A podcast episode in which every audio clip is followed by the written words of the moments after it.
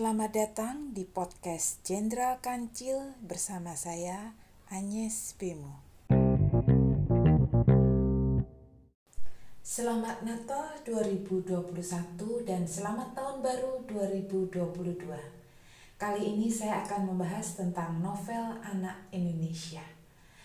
Saya tidak tahu berapa persis jumlahnya, tapi menurut saya mungkin novel anak Indonesia belum terlalu banyak jumlahnya paling tidak belum sebanyak jumlah yang terbit di Amerika Serikat. Menurut Goodreads, sepanjang tahun 2021 ada 517 judul novel anak yang terbit. Bagaimana dengan di Indonesia? Sekali lagi saya tidak tahu. Tetapi yang membuat saya senang bahwa selama tahun 2021 uh, walaupun jumlahnya sedikit tetapi saya menemukan judul-judul yang sangat menarik uh, penceritaannya bagus, isinya berbobot, uh, ilustrasinya juga oke, okay, sehingga sangat layak dibaca dan dikoleksi.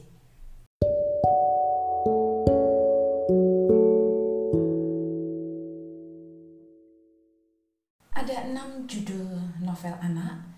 Yang pertama adalah Itam dan U karya Yovita Siswati, lalu Kemiri untuk Tuto karya Lia Lovorns, Kemudian Witan dan Negeri Arana karya Audelia Agustin. Eh, tiga yang pertama ini adalah e-book. Dan berikutnya ada Garuda Gaganeswara karya Ari Nilandari. Kemudian ada Creepy Case Club, kasus pohon pemanggil karya Rizal Iwan. Dan Lia di dunia bawah Irlandia karya Tias Wijati.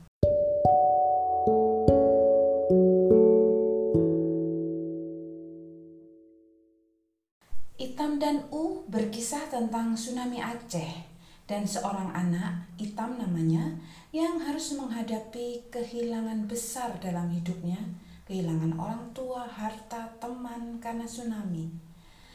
Pergolakan yang tidak ringan inilah yang diceritakan dengan sangat menyentuh oleh Yovita Siswati. Sedangkan Kemiri untuk Tuto berkisah tentang bagaimana Tuto, seorang anak dari Flores, mengumpulkan kemiri sebanyak mungkin karena dia butuh uang. Ini juga sebuah cerita yang manis dan menyentuh hati. Selanjutnya, Witan dan Negeri Arana. Ini adalah cerita tentang Witan, seorang anak perempuan kecil yang berusaha menyembuhkan neneknya, yang kemudian tidak hanya membawanya pada penemuan atas ramuan-ramuan obat tradisional yang unik, tetapi juga penemuan tak terduga tentang siapa dirinya sebenarnya. Penggalian atas budaya meramu obat-obatan ini di cerita ini khususnya sangat menarik buat saya. Lalu ada Garuda Gaganeswara yang ditulis oleh Ari Nilandari. Ini adalah sebuah novel fantasi tentang pencarian. Mencari ayah yang tiba-tiba menghilang lalu menemukan sebuah dunia lain, dunia paralel yang lain, serta pencarian atau tepatnya penemuan jati diri. Berikutnya ada Creepy Case Club, kasus pohon pemanggil karya Rizal Iwan. Ini merupakan judul keempat seri Creepy Case Club. Kasus pohon pemanggil sendiri berkisah tentang hilangnya Fedi, salah satu dari tiga sekawan uh, anggota Creepy Case Club. Setelah sebelumnya Fedi mendengar suara-suara yang memanggil-manggil dari sebuah pohon tua di rumah ayah Fedi. Namira dan Jani, teman-teman Fedi, berusaha menemukan kawan mereka itu. Lalu, last but not least, terakhir tapi bukan yang paling akhir, ada Lia di dunia bawah Irlandia karya Tias Wijati.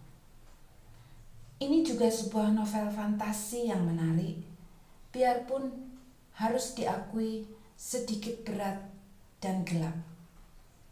Namun demikian, kita harus menghargai perjuangan batin Lea, seorang anak yang harus berhadapan dengan banyak hal, antara lain perpisahan orang tuanya, eyang kakung yang sakit, dan harus ikut mama ke Dublin, ke sebuah negeri yang asing Dan itu berarti teman-teman yang asing, guru-guru yang asing, tetangga yang asing, budaya yang tidak dia kenal sama sekali. Inilah yang diceritakan oleh Tias Wijanti dalam novelnya ini.